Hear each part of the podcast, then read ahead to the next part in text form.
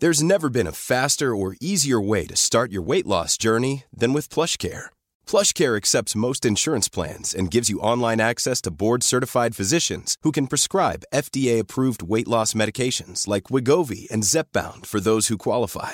Take charge of your health and speak with a board-certified physician about a weight loss plan that's right for you. Get started today at plushcare.com slash weight loss. That's plushcare.com slash weight loss. plushcare.com slash weight loss. Hey, I'm Ryan Reynolds. At Mint Mobile, we like to do the opposite of what Big Wireless does. They charge you a lot, we charge you a little. So naturally, when they announced they'd be raising their prices due to inflation, we decided to deflate our prices due to not hating you. That's right. We're cutting the price of Mint Unlimited from $30 a month to just $15 a month. Give it a try at mintmobile.com slash switch. $45 upfront for three months plus taxes and fees. Promo for new customers for limited time. Unlimited more than 40 gigabytes per month. Slows. Full terms at mintmobile.com. Many of us have those stubborn pounds that seem impossible to lose, no matter how good we eat or how hard we work out. My solution is PlushCare. PlushCare is a leading telehealth provider with doctors who are there for you day and night to partner with you in your weight loss journey. They can prescribe FDA-approved weight loss medications like Wagovi and Zepbound for those who qualify. Plus, they accept most insurance plans. To get started, visit plushcare.com slash weight loss. That's plushcare.com slash weight loss.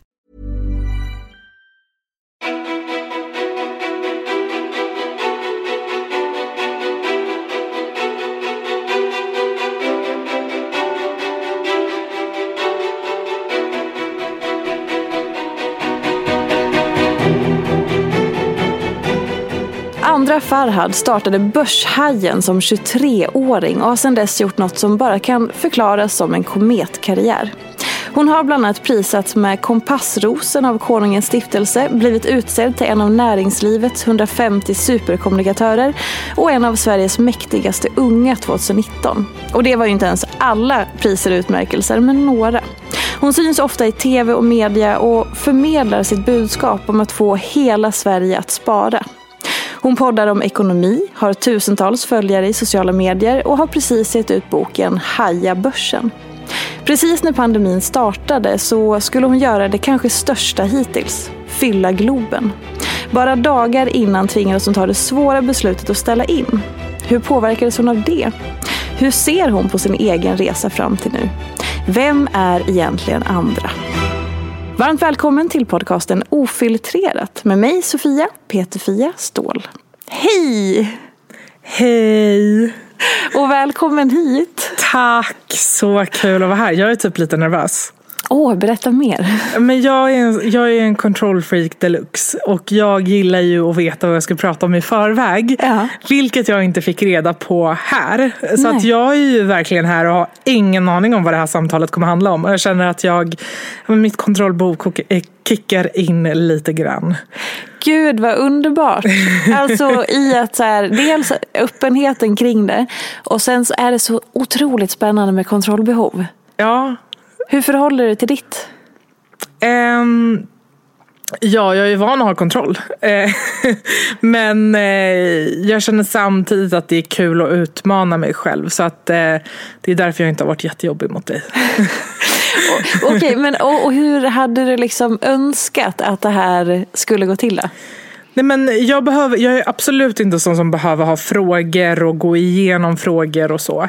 Men jag vill i alla fall veta vad är det för typ av samtal. Ska vi prata om börsen? Ska vi prata om entreprenörskap? Ska vi prata om finansiell frihet? Jag vill ändå veta så här, vad är det jag ska prata om. Ja. För då vet jag ofta så här, men typ det här vill jag säga. Men nu har jag ju verkligen ingen aning och det är eh, ja, eh, väldigt eh, spännande. Gud vad roligt. Det är så, alltså, just kontroll, för, att för ett par veckor sedan när det här släpps så pratade jag med en annan gäst, Alexandra Järgen, och vi var också inne på just det här med kontrollbehov, för hon kände likadant till just alltså, kontrollbehov i livet och sådär. Och då så påstod jag eh, någonting som jag ofta påstår när man pratar om kontrollbehov, och det är att eh, kontroll är en längtan efter trygghet.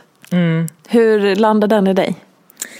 Men så är det nog. Eh, just för att eh, när man vet, ja i mitt fall, om jag vet vad jag ska prata eller vad samtalet handlar om, då vet jag vad jag ska prata om, då blir jag mer trygg. Mm. Jag, är ju, jag är ju trygg ändå, men eh, jag tror att det mest sitter i huvudet. För att jag hade ju inte varit här om inte jag hade känt mig trygg. Mm.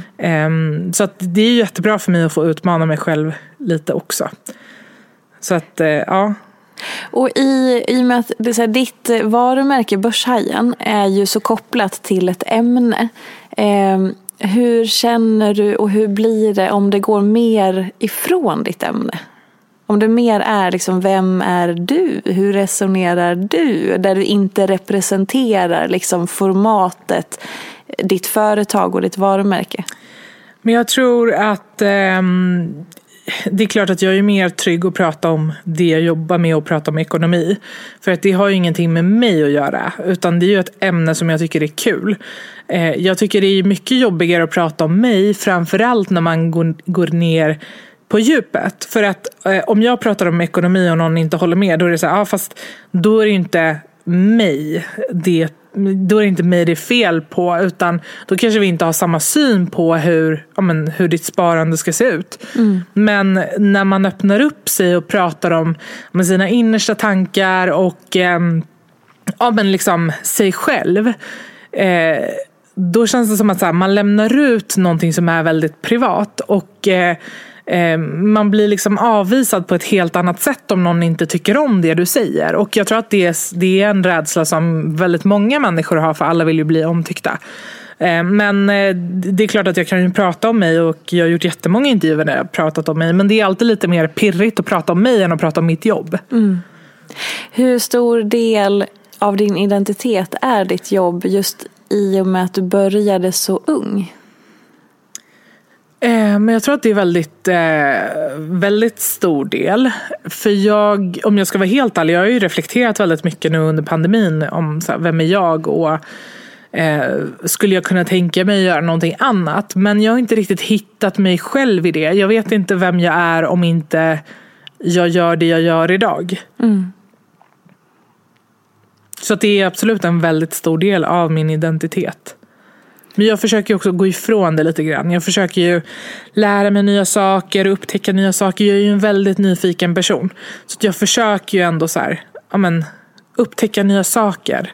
Bara för att kanske eh, inte hitta en ny identitet, men bredda min identitet. Hur landade den insikten när det var så här, okej, okay, eh, allt det här som jag har gjort och gör är en väldigt stor del och vad skulle jag vara? För var det, var det så du kände, vem är jag utan det här då? Att det inte hade något solklart svar?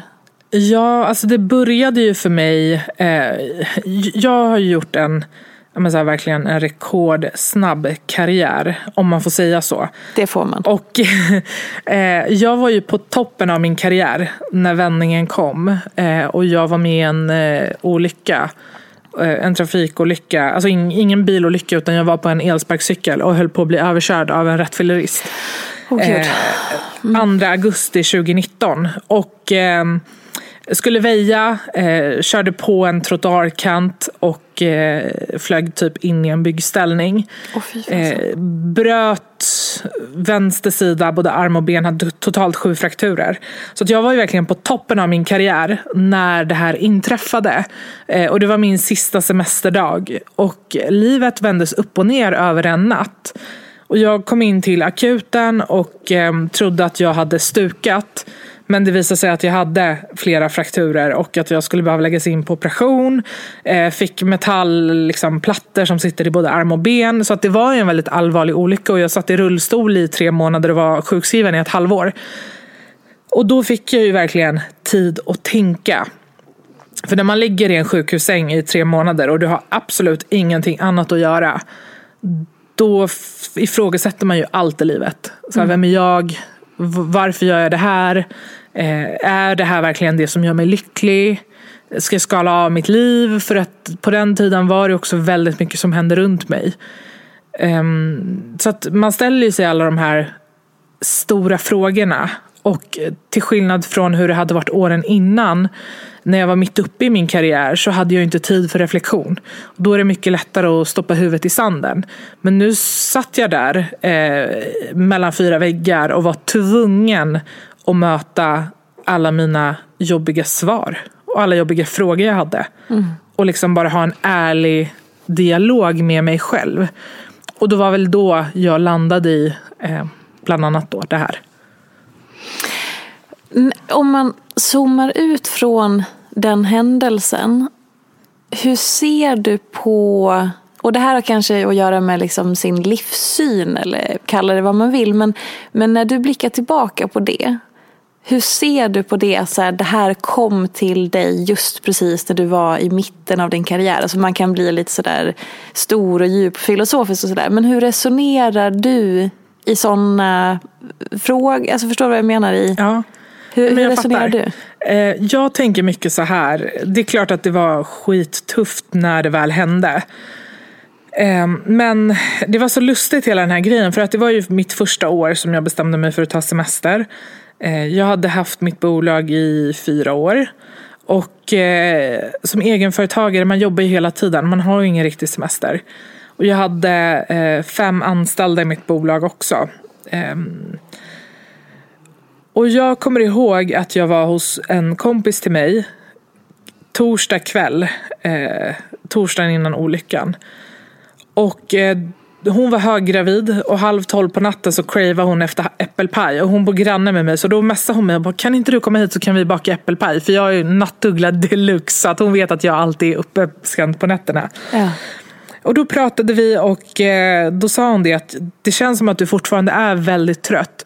Och vid den här tidpunkten så var det fler och fler som började fråga hur jag mådde och om jag verkligen var pigg och om inte jag skulle ta det lite lugnt. För jag tror att många började känna av min trötthet, många runt omkring mig. Jag hade ju köttat på no, alltså nonstop i fyra år. Eh, med föreläsningar, med olika event och haft bolaget parallellt och gjort jättemycket media. Och, men alla drog i mig så att jag fick ju aldrig någon egen tid. Och då sa hon det att det känns som att du är lite trött. Ska inte du vara ledig lite mer? Och jag bara nej, alltså jag är ändå, jag är ändå redo för hösten. Jag tror att det här kommer bli jättebra. Men du vet när man säger någonting bara för att säga det. Men innerst inne så kände jag så här, nej men det hade ju såklart varit skönt att vara li, lite, lite, ja men, lite mer ledig än vad jag hade varit än de här två veckorna.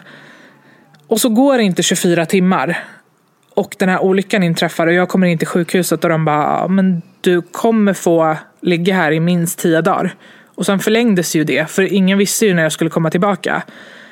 Um, och jag var jättefrustrerad precis i början. Mm. Just för att jag kände att hela livet vändes upp och ner. Jag fick eh, skala ner mitt bolag, säga upp mina anställda för jag visste inte när jag skulle komma tillbaka. Jag fick pausa alla mina projekt, jag fick säga nej till... Jag ställde in föreläsningar för 2,9 miljoner den hösten. Mm. Så att eh, jag tror att jag hade ungefär 60-70 föreläsningar som jag ställde in. Um, och det var väldigt speciellt för att det var verkligen som att, alltså jag hade ingen skallskada eller så utan jag var ju bara fysiskt skadad eh, och satt i rullstol och det var lite som att vara inlåst i sin egen kropp. Huvudet är friskt, du kan fortfarande tänka, du har samma energi men du, har, du kan inte röra dig. Eh, I efterhand insåg jag att livet ger inte dig det du vill ha, livet ger dig det du behöver. Och det är väl den insikten som jag landade i efter den olyckan. Och nu försöker jag alltid tänka att när livet inte blir som jag har tänkt mig, att det kanske inte blir så som jag vill ha det, utan jag får det jag behöver. Åh, oh, fy fan, det är så, så här ljuv musik. Det är så otroligt viktigt. Det är verkligen det.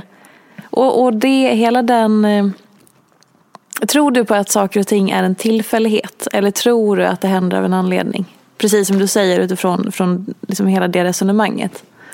Både och. Jag tror att eh, jag tror att det som är menat att hända är oundvikligt. Det kommer på ett eller annat sätt att hända. Mm. Hur då? Jag vet inte. Men jag tror bara att det händer. Alltså det som är... Jag tror att vi alla har, det är klart att Eh, livet handlar inte bara om tillfälligheter. Eh, det är ju lite så tillfällighet, lite tur, lite skicklighet. Alltså det är, det är en balans av allting. Men jag tror att jag, tr jag tror inte att man går igenom livet och har någon typ av öde. Jag tror att du... Jag tror inte man hittar sig själv, jag tror att man skapar sig själv. Och längs vägen kan det ske saker som bara ska hända för att de ska lära dig någonting. Det kanske är en erfarenhet, det kanske är eh, ja, ett möte som tar dig till nästa steg i livet. Eh, men jag tror på att allt händer av en anledning. När jag blickar tillbaka på min karriär och allt det som har hänt så, så ser jag hur, jag ser liksom hela kedjereaktionen. Jag ser hur varje precis varje grej har lett mig till nästa sak. Oavsett om det har varit bra eller dåligt. Men det har tagit mig vidare. Och jag har behövt ha den erfarenheten för att klara av nästa steg i livet. Så att jag tror verkligen att jag tror att allt händer av en anledning. Jag tror att vissa saker eh, kan vi inte styra och det som är menat att hända behöver hända för att vi ska lära oss någonting och bli men, starkare, tryggare, eh, rikare på erfarenheter. Mm. Kan du berätta om något sånt ögonblick som, som nu i efterhand är så tydligt att det är så här, åh jädrar, det här mötet med den här personen eller det där beslutet eller den här händelsen förändrade din riktning eller var liksom avgörande på något sätt i vad du tog dig? Jag har massa sådana historier, men ett exempel som verkligen har varit av betydelse för mig. Det var i början när jag precis hade startat Börshajen. Och då körde jag kvällskurser, för jag var anställd på ett företag som mediasäljare. Och eh, körde kvällskurser för med vänner och bekanta för jag tyckte att det var kul. Det här var liksom innan Börshajen blev Börshajen. Och eh, då la jag ut ett inlägg på Facebook och eh, frågade om det var någon som ville lära sig mer om investeringar. Och det var ungefär 50 personer som hörde av sig och eh, sa jag vill lära mig mer. Uh. Eh, och efter den kursen så var det väldigt många vänner och bekanta till de som hade varit där som började höra av sig. Så det var ju så det började ta fart. Och då fick jag ett mejl av en eh, kvinna som heter Caroline Tunved. Och eh, hon skrev, jag vill jättegärna komma på en av dina utbildningar men det är helt fullt. Så att om du får någon som hoppar av så får du jättegärna höra av dig för då kommer jag. Och eh, jag bara kände så här, men hon, för jag frågade henne, jag bara, är du själv? Hon bara, ja, jag kommer själv. Jag bara, men hur svårt kan det vara? Det är bara att ställa in en extra stol. Ja. Eh, så då mejlade jag henne tillbaka och bara, hej, jag löser det. Du är jättevälkommen. Vi ställer in en extra stol. Eh, så då gjorde jag det och hon kom dit, hon var med under hela kursen. Jag tror att det var, det var några veckor, fyra veckor kanske. Och efter sista tillfället så kom hon fram till mig och bara, jag vill bjuda ut dig på en lunch. Och då tänkte jag så här, varför vill hon bjuda ut mig på en lunch? För att prata om vad? Ja. Men jag tog den lunchen. Eh, och vi hade ja, men så här, supertrevligt. Hon sa inte så mycket om vem hon var eller vad hon gjorde utan hon, det var ju väldigt mycket fokus på mig. Och eh, till slut så sa hon så här, hon bara, jag eh, jobbar med Kungens stiftelse, Ungt ledarskap. Och jag kommer nominera dig till det här priset. Jag visste inte ens vad det var för pris. Och då trodde jag att det var ett skämt. Jag bara, va? Ja. Hon bara, det är ett pris som kungen delar ut och bla bla bla. Så berättade hon lite om det. Um, och då tänkte jag så här, ah, ja okej, hon kanske glömmer bort det. Mm. Men hon nominerade mig och eh, jag var en av dem som fick det här priset sen. Det var en jättelång process och Eh, flera moment och intervjuer och personlighetstester man skulle genomföra. Men till slut så stod jag där på scen och fick ta emot det här priset. Och det priset i sin tur ledde ju till att ja, men, jag fick jättemycket omnämningar i media. Eh, jag fick in jättemånga företag som ville jobba med mig. Många anlitade mig som föreläsare. Och det blev liksom lite så ringar på vattnet effekt. Mm. Men då tänker jag så här, hade jag varit som väldigt många är idag, väldigt fyrkantiga och bara nej tyvärr det är fullt. Då kanske det mötet aldrig hade skett och då kanske jag inte hade suttit här idag. Alltså jag älskar sånt här och just när man kan vara, som du säger, den här upp öppenheten som det egentligen kanske grundar sig i. Och kanske också att du hade någon magkänsla för att, så här, det här, att det är någonting som pockar på. I att du kanske kände att så här, vänta nu, det här är nog bra. Alltså att det är någonting man känner i att men jag borde ta det här steget eller jag borde anstränga mig lite extra för, för just den här personen. Mm. Gud vad spännande. Kan du ge oss en till sån historia? Eh, ja, jag kan sitta och prata om de här historierna hur mycket som helst. Men eh, det som ledde mig dit, till att jag ens började hålla de här kurserna, det var ju, nu går vi baklänges här, uh. men eh, jag jobbade ju som simlärare innan jag fick mitt jobb eh, som säljare.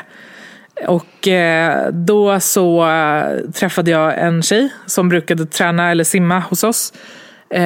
Som heter Victoria och hon hade en lokal i Ehm, eh, ja, Alby. Där hon sa att ja, men, man kan hyra den lokalen men vi vet inte riktigt vad vi ska göra där.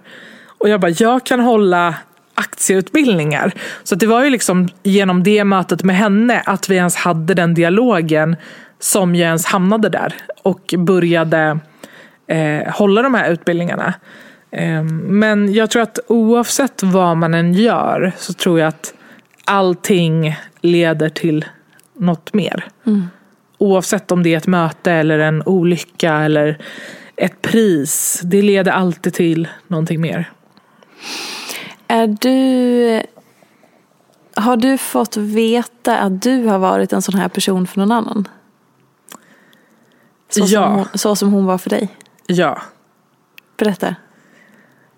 Jag gjorde ju ett stort event på Hovet 2018. Eh, vi hade ja, runt 7700 besökare. Och eh, gud, det här är ett så fint, ah, nej men alltså det här mötet är så fint. Jag, jag börjar gråta varje gång jag tänker på det. Och eh, då kom det fram en kille efter att jag klev av på scen. För det var ju, eh, eh, förlåt, klev av scenen. Det var jättemånga som kom fram. Och eh, då var det en kille som stod liksom nere i hörnan av den här folksamlingen. Och stod och väntade på att människor skulle gå så han kunde komma fram. Men det var ju, alltså det var ju liksom så mycket folk. Så att efter typ 40-45 minuter så bara kände jag så här, nej men nu går jag till honom. För han stod verkligen där med anteckningsblock och penna och verkligen så väntade på sin tur.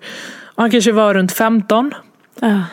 Så att jag gick fram till honom och då eh, presenterade han sig. Eh, och eh, han hette Marcus.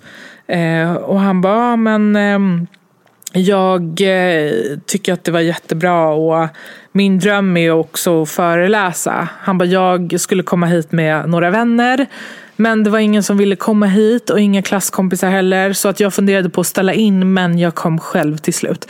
Så att han hade liksom suttit inne i en arena själv, 15 år och lyssnat på ett finansevent i nio timmar för vi körde en hel dag. Oj jädrar. Och eh, då sa han, han bara, jag vill också göra det du gör. Jag vill också föreläsa. Så att då gav jag honom min mailadress. Jag bara, mejla mig så ska jag sätta upp dig med några. Och oftast när människor kommer fram till mig på event och säger något sånt och jag ger dem mina kontaktuppgifter så hör de inte av sig sen. Men han eh, hörde av sig. Det gick några dagar och så fick jag ett mejl av honom. Eh, och eh, då sa jag till honom, jag bara, var på den här platsen om två timmar. Eh, och så sågs vi på ett café inne i stan. Och eh, jag kopplade ihop honom med en kompis till mig som coachar människor som vill börja föreläsa. Så att jag satte dem i kontakt och eh, han berättade lite om, om sin bakgrund, växte upp i, eh, ja, i, i, södra Stockholm, i Vårberg. Eh, haft eh, föräldrar som ehm, ja, men så här, kämpat hela livet eh, och eh, haft en brorsa som liksom inte alls gått samma väg som honom. Han ville göra någonting på riktigt av sitt liv men hans familj var lite så här, fast det här kommer ju aldrig hända dig. Så att jag kopplade ihop honom med min kompis. Sen hörde jag inte så mycket mer från honom. Och för eh, två år sedan så satt jag eh, och jobbade på min kompis kontor. Och då kom han fram till mig och bara, det är någon här som vill träffa dig. Och eh, då ser jag Marcus stå där. Och jag bara sträcker fram, eh, alltså så här, öppna armarna, han sträcker fram handen. Och jag bara, ja. nej men sluta, kom ge mig en kram. Och då berättar han att han eh, ja, men under de här två åren har, han har ju blivit precis fyllt 18. Eh, och han har ju börjat om man så här, intressera sig jättemycket för aktier. Och han har blivit helt besatt av företaget Investor. Alltså han kan allt om det bolaget. Vilka portföljbolag de har, vem som är vd i respektive bolag, vad de omsätter, alltså vilka vd de har haft historiskt. Han har verkligen så här nördat ner sig i Investor. Och han älskar Claes Dahlbäck. Ja. Och han pratar om det här. Alltså det bara tindrar i ögonen på honom. Det lyser i ögonen på honom. Och jag ser hur han alltså blir lycklig av att prata om det här. Och då säger han så här, han bara, jag brukar gå dit efter, för de sitter vid Kungsträdgården.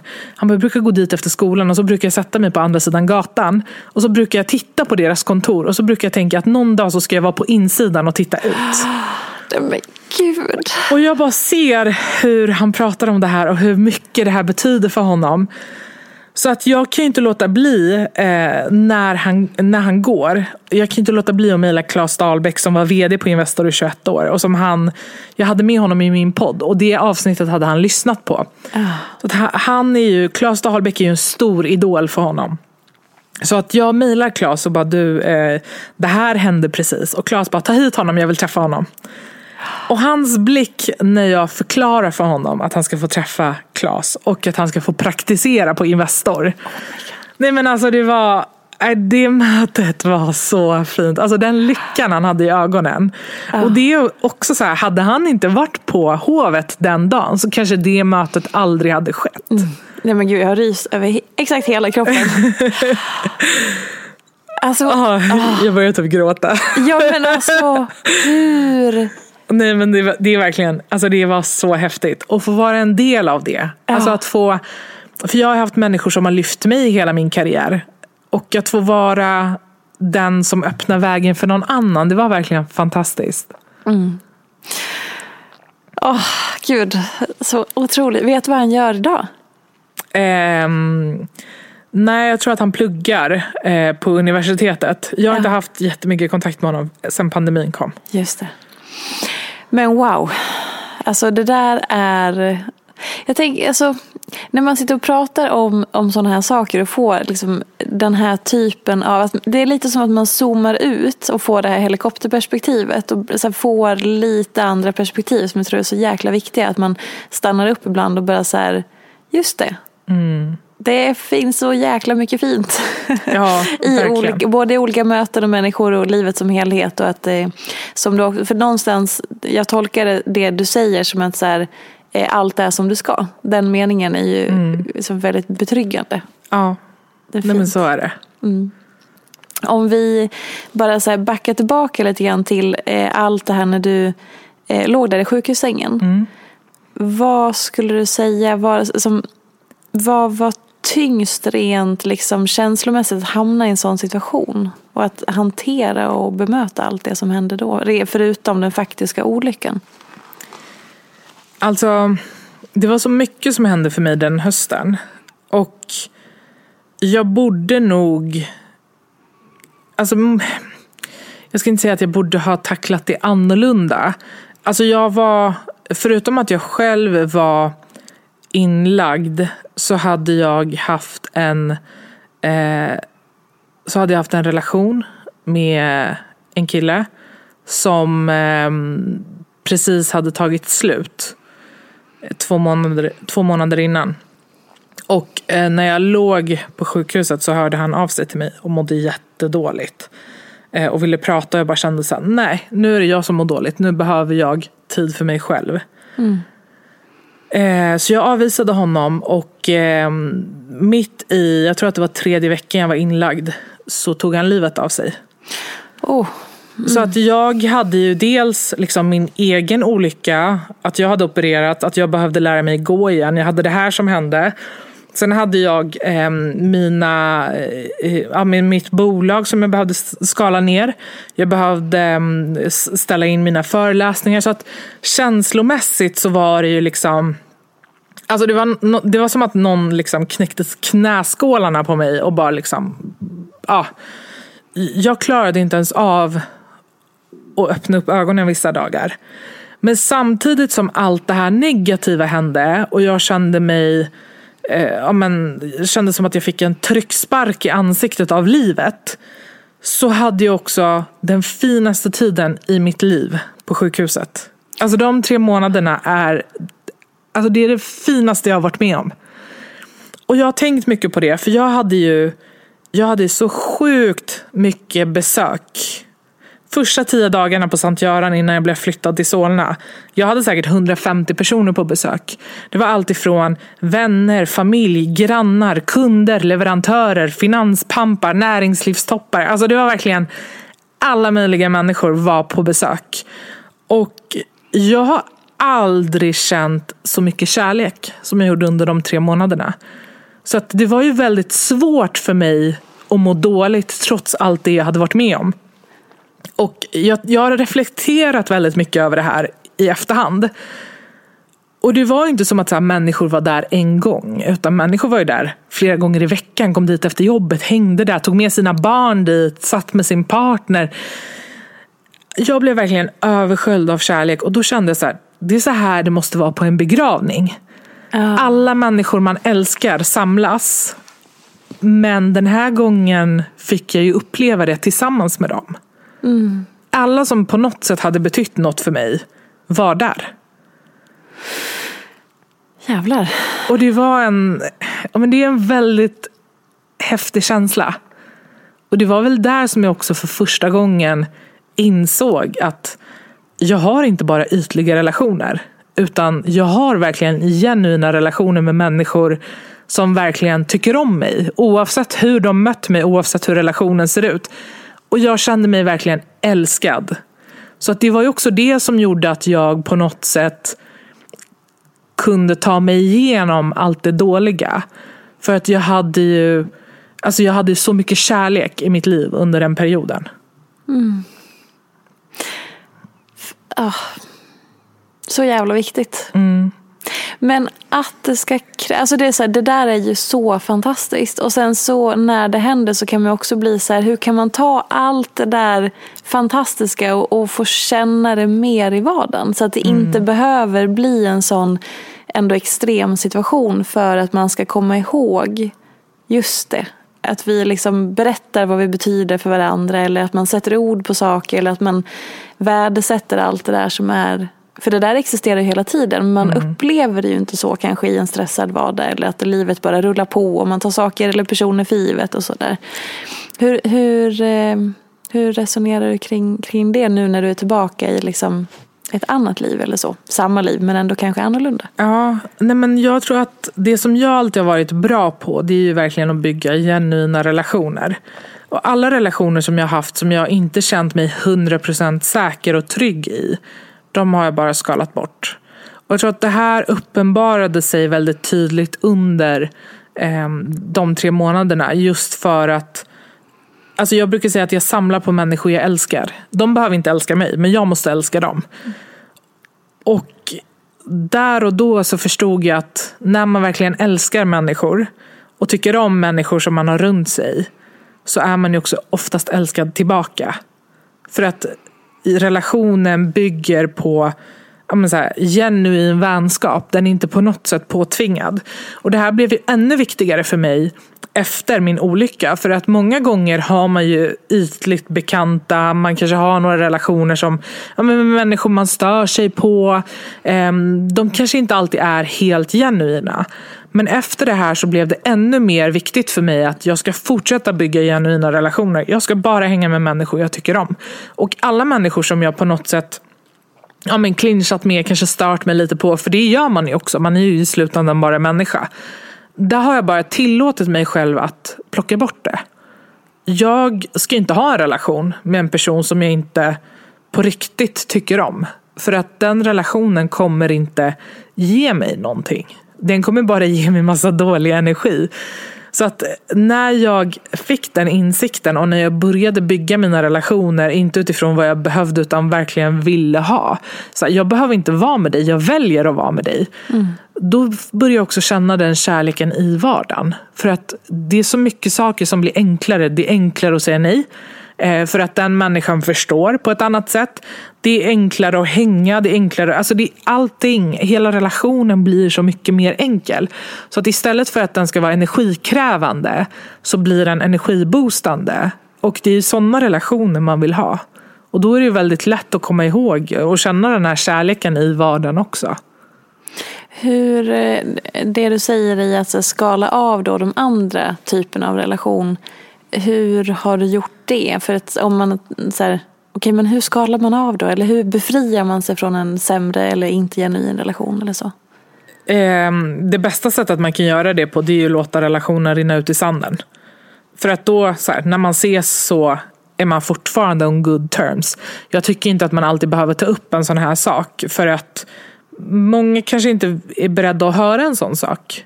Många kanske inte ta det på ett bra sätt så att istället för att skapa onödiga konflikter så har, eller det har i alla fall funkat för mig, det är ju bara att låta relationer rinna ut i sanden.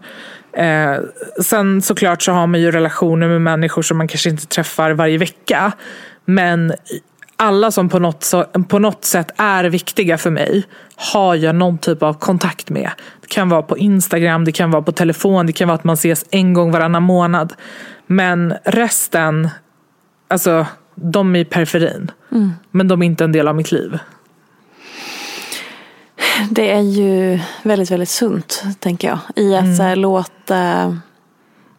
För att så här, det är ju också i den världen som vi rör oss i. Eh, om, och nu menar jag till exempel medievärlden eller Ja, men vi kan bara ta medievärlden som är stor, ett paraply någonstans. Hur upplever du den i relationer och så? Hur menar du då?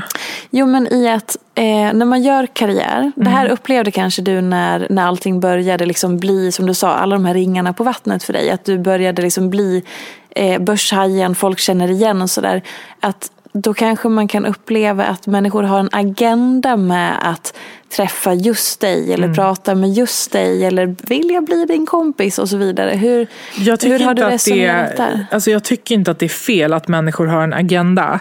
Jag tycker snarare det är väldigt fel när människor inte har en agenda när det handlar om professionella relationer. Mm. För att om du vill träffa mig, då ska ju du ha ett syfte med mötet. Jag vill inte träffa människor bara för att ses, alltså professionellt. Utan mm. jag vill ju att du har en agenda. Eh, och där, där ser inte jag det som att så här, utnyttja någon, utan jag ser det som att har du en bra idé som kan gynna oss båda, let's go. Men är du bara ute efter att liksom, ja, jag vet inte, slösa din och, min tid, ja men då kanske jag avvaktar. Så där har jag också varit väldigt så här, hård eh, med att här, när någon hör av sig och vill ses, då vill jag alltid veta varför. Mm. Eh, och det har jag ju lärt mig med tiden, för till en början då träffade jag bara alla och så insåg jag under mötet att nej men vänta, det här leder ju ingenstans, du vill ju bara ses för att ses. Och det är klart att det är skittrevligt att ses för sakens skull. Men då vill jag veta det, för då kanske det inte är det jag prioriterar mest just nu. För jag kanske har liksom, det är ganska mycket annat som brinner. Då kanske vi kan ses när det lugnat ner sig och jag faktiskt har tid för att ta den typen av möten. Så där tror jag bara att det handlar om att veta sitt eget värde och värdera sin egen tid.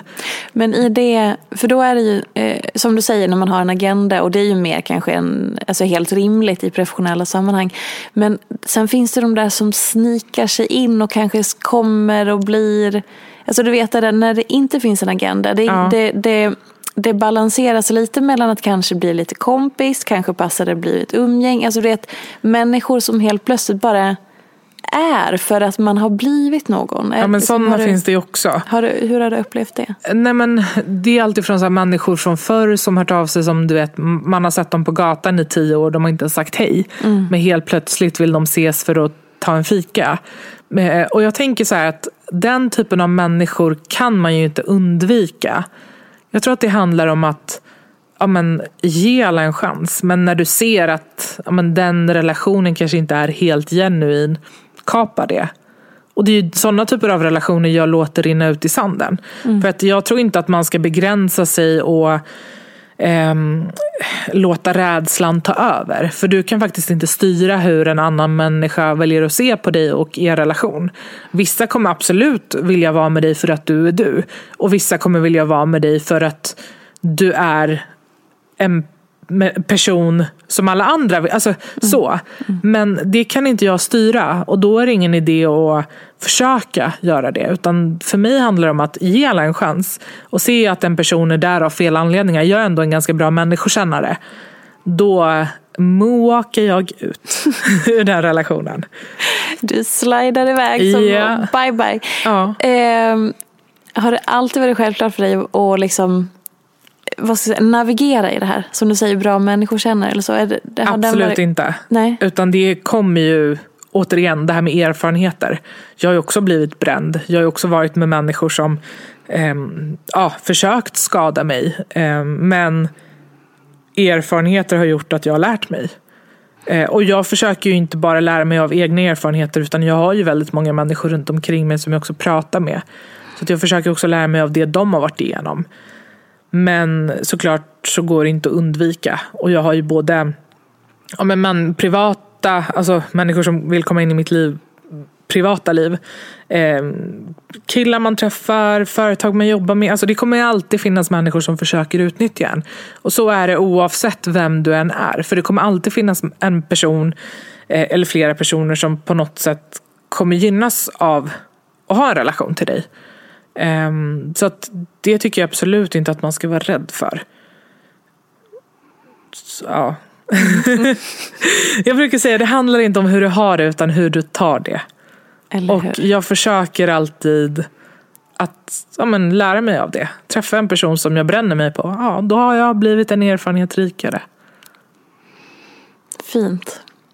Eh, om vi går tillbaka till det du sa precis där i början. Att livet ger dig inte alltid vad man vill ha eller vad man tror att man vill ha. Utan livet ger en vad man behöver. Eh, vad vill livet ge dig här och nu utifrån vad livet ser att du faktiskt behöver? Eh, vet inte. Jag tycker att det är alltid svårt att se det när man är mitt i det. Jag kanske kommer veta svaret på den frågan om ett halvår. Just nu så vill jag att livet ska ge mig 100 000 sålda ex av min bok. Men det får vi veta om ett halvår, hur det har gått. Och om vi backar tillbaka till det som jag sa i introt, det här med Globen. Berätta lite om den upplevelsen. Ja, jag brukar säga att jag är den enda som har fyllt Globen utan att fylla Globen. Ja. För att det var ju faktiskt fullt. Ja. Vi hade 13 700 bokade biljetter. Men jag fick ju aldrig genomföra eventet. Nej. Och eh, det här var ju också en stor stress för mig under min olycka. För att jag visste att jag hade den turnén inplanerad med Malmö, Göteborg som avslutades i Globen. Och ehm, för mig var det inte alls självklart att ställa in. För vi hade kämpat, alltså jag var ju sjukskriven till slutet på januari. Så jag hade ju precis kommit tillbaka en månad från min sjukskrivning. Mm. Eh, och var jättetaggad på att göra Globen och tänkte det här är min comeback. Nu har jag varit borta i ett halvår. Och nu är det här min comeback. Jag har eh, fyllt Globen, jag ska prata ekonomi. Jag har fått Kristina Stenbeck att gå med på att flyga ner från taket i Globen, ner på scen till eldshow. Alltså, det var så mycket som skulle hända. Och sen två dagar innan eh, genomförandet, vi hade gått in i Globen och börjat etablera, så kom pandemin. Mm. Och första coronafallet upptäcktes. Och ett kaos bröt ut. Vi fick in tusentals avbokningar. Ehm, men det tickade ju samtidigt på med människor som bokade på. Men sponsorer hoppade av, talare hoppade av eh, och var oroliga. Och ehm, då ringde min, eh, han som är vd för min eventbyrå, Steven. Och bara, du har du funderat på det här? Ehm, hur vill du göra? Du måste bestämma dig nu. Ja. För Folkhälsomyndigheten hade precis hållit sin presskonferens och eh, hade höjt risknivån för att upptäcka nya fall från låg till mycket hög. Och det var ju därför kaoset bröt ut. Han bara, du måste bestämma dig. Det är två dagar kvar. Eh, och jag bara, bestämma mig för vad då? Han bara, om du ska ställa in. Jag bara, skämtar du? Ställa in? Alltså jag klickade honom. Jag bara, nej, nej, nej, nej, nej. Vi ställer inte in. Vi löser det här. Ehm, och så ringde han tillbaka till mig efter en timme och bara, har du funderat? Jag bara, nej. Det är liksom en icke-fråga. Vi ställer inte in. Och då sa han till mig, han bara, om inte du var arrangör, hade du gått på det här eventet? Jag bara, nej. Han bara, så varför ska du arrangera det här eventet? Och där trillade poletten ner och jag bara, men gud. Om inte jag hade gått på det här eventet, varför försöker jag få 13 700 personer att gå på det? Och där och då tog vi beslutet att vi ställer in. Men jag hade ju ingen aning om vad det var jag precis hade blåst av. Jag tänkte att det, ja men det kanske är Aftonbladet rubriker. Det här kanske blåser över nästa vecka och då har jag ställt in ett projekt för miljontals kronor. Men det blev en pandemi. Ja. Människor dog. Och i efterhand så är jag så glad att jag vågade följa min magkänsla och liksom lita på att det här är det bästa att göra.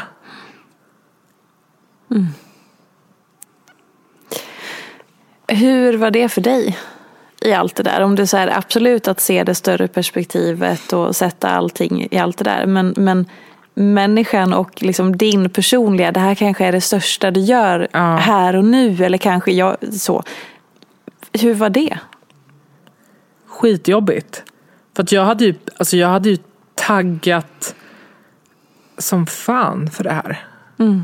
Det här var ju det enda jag hade sett fram emot. För allt annat hade jag blåst av under de här sex månaderna som jag var sjukskriven. Det här var ju det enda jag såg fram emot. Och som jag visste att det här kommer hända, det här kommer jag komma tillbaka till. Och det var ju också det som höll mig motiverad. Så när vi väl blåste av det där, alltså det var, så här, det var en antiklimax. Någonting som du har jobbat med i ett och ett halvt år. Men du gör allt jobb, men du får inte genomföra det. Det är liksom så nära, alltså vi snubblade verkligen på målsnöret. Och det var så frustrerande för jag fick aldrig den här urladdningen som jag, hade, som jag skulle ha fått sekunden jag klev ut på scen. Jag fick aldrig det, utan det byggdes en frustration istället. Och eh, jag fick ju Alltså jag fick ju så mycket kärlek när det ställdes in. För att samma vecka genomförde ju, eh, genomfördes Melodifestivalen. Så de fick ju jättemycket kritik. Men samtidigt så kände jag så här, ja fast nu gav jag upp en dröm för att göra det här. Och jag vet inte hur det här kommer sluta. Allt var ju så oklart.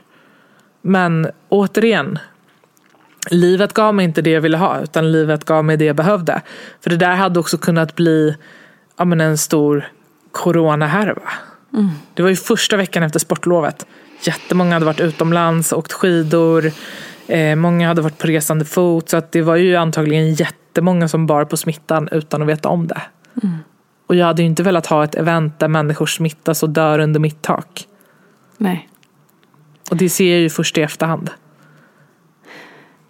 Alltså det man ändå kommer i kontakt med, under, eller jag ska prata för mig själv, det jag kommer i kontakt med under vårt samtal här nu är ju det här att så här hela tiden återvända till det du säger. Som den här kontakten med sig själv och sin, sin kompass någonstans.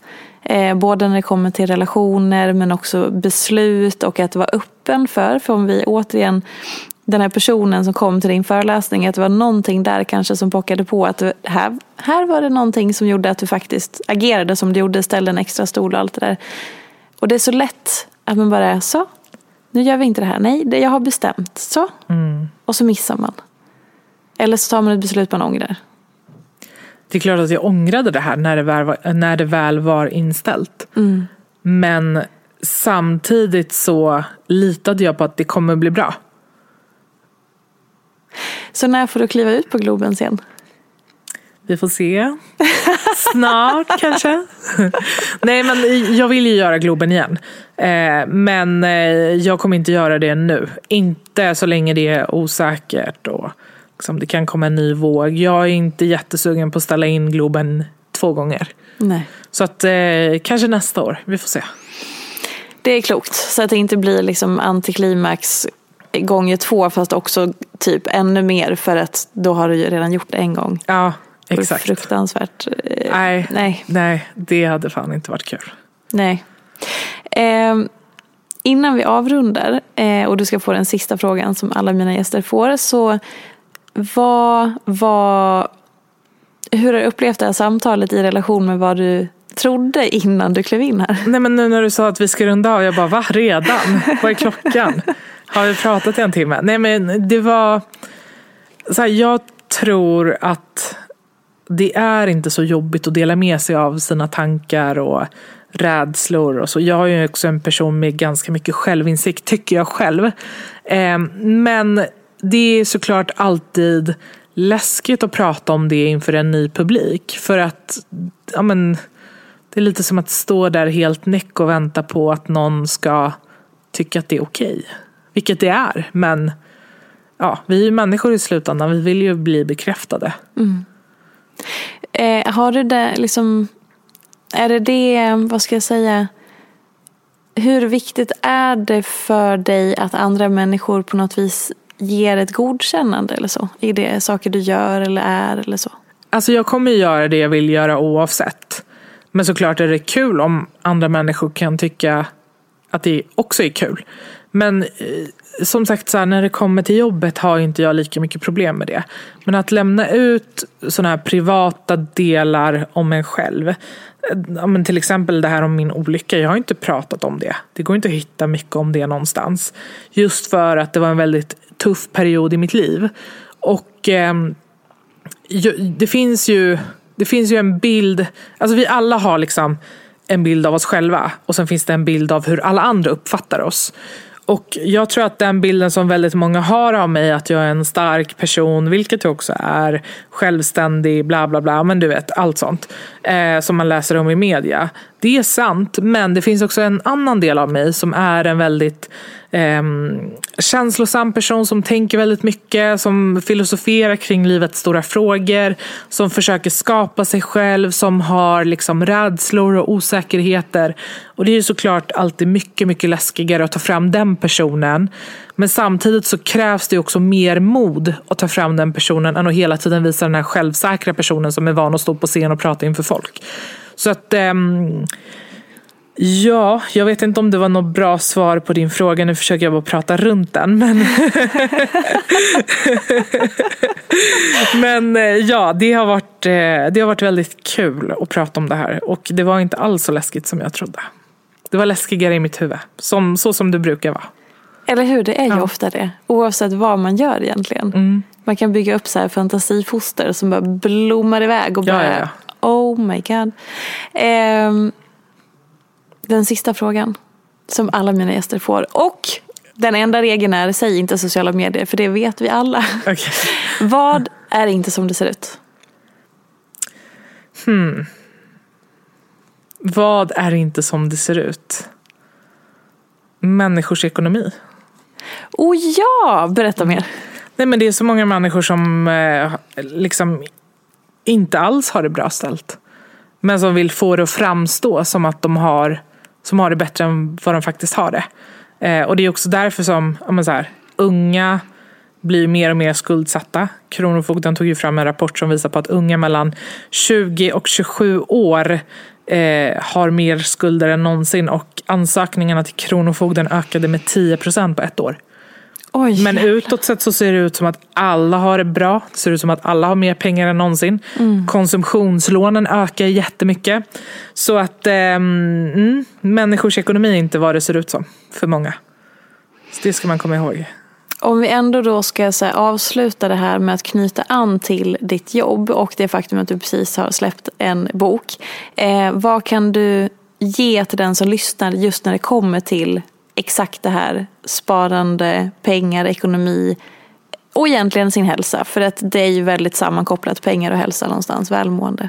Köp min bok. Ja. För att där kan man få hjälp med här, allt man behöver kunna för att komma igång med ett sparande på börsen. Och många gånger hänger ju eh, fy, alltså, eller så här, psykisk hälsa med ekonomisk hälsa. Har du en bra ekonomi så mår du oftast bättre. Eh, så att eh, köp den till dig själv och till människor som du bryr dig om. Och om man, om man tänker då när man hör att så här, eh, det, det, psykiska måendet hör ihop med en god ekonomi. Då kanske någon tänker att okej okay, men så man måste vara rik för att må bra. Alltså det är ju inte det du menar med Nej en bra absolut ekonomi. inte. Utan man behöver ha råd med det basala i livet. Mat på bordet, tak över huvudet. Det har ju väldigt många i Sverige idag. Men vi behöver ju också ha det i framtiden, inte bara nu. Och som det ser ut just nu så vi kommer inte kunna leva, alltså min generation, jag är 28, när vi går i pension, vi kommer inte kunna leva på den allmänna pensionen för att ja, men de pengarna minskar för varje år. För vi lever längre, vi blir mer hälsosamma, det är mer pengar som går åt till generationen som är nu. Mm. Um, så att vill du fortsätta ha mat på bordet och tak över huvudet, då ska ju du ta tag i din framtida ekonomi nu. Och uh, um, det finns många olika sätt att göra det på. Kan du ge ett konkret exempel? Köp min bok. Exakt. Mycket bra. nej, men nu ska jag stoppa ner säljaren i mig. Men, eh, nej, men på riktigt. Förlåt, men boken heter ju Haja-börsen med Börshajen. Exakt. Um, och det, jag försöker få det att bli årets julklapp. För jag tycker att vi konsumerar så mycket prylar i mm. Sverige. Mm. Eller i världen. Och istället för att till exempel köpa ett par airpods i julklapp till någon. Eller vad man nu väljer att köpa. Istället för att köpa prylen, köp aktien i bolaget och så tittar du om tio år vad som kommer vara mest värd. Airpodsen eller Apple-aktien. Så mm. att, ähm, ja. Bra. Och som sagt, gå in på Börshajen både på Instagram och på börshajen.se. Punkt nu. Punkt nu, bra. Mm. Och bara så här insup, för det finns så bra information och kunskap där. Verkligen. Ja. Tusen tack för att du ville gästa och tack för att ni har lyssnat så ses vi snart igen om en vecka med en ny gäst. Men begrunda detta avsnitt för det var så många insiktsfulla och, och fina saker som sades. Tack så jättemycket för att du ville komma hit. Tack för att jag fick vara med. Puss och kram, hej då! Hej då! Följ mig gärna i sociala medier. Jag finns på Instagram som peterfia och bloggar på peterfia.se. Jag blir så glad om du vill recensera den här podden, prenumerera och lämna gärna önskemål på gäster. Vi ses i sociala medier. Ha det gott så länge. Hej då! En podd från Allermedia.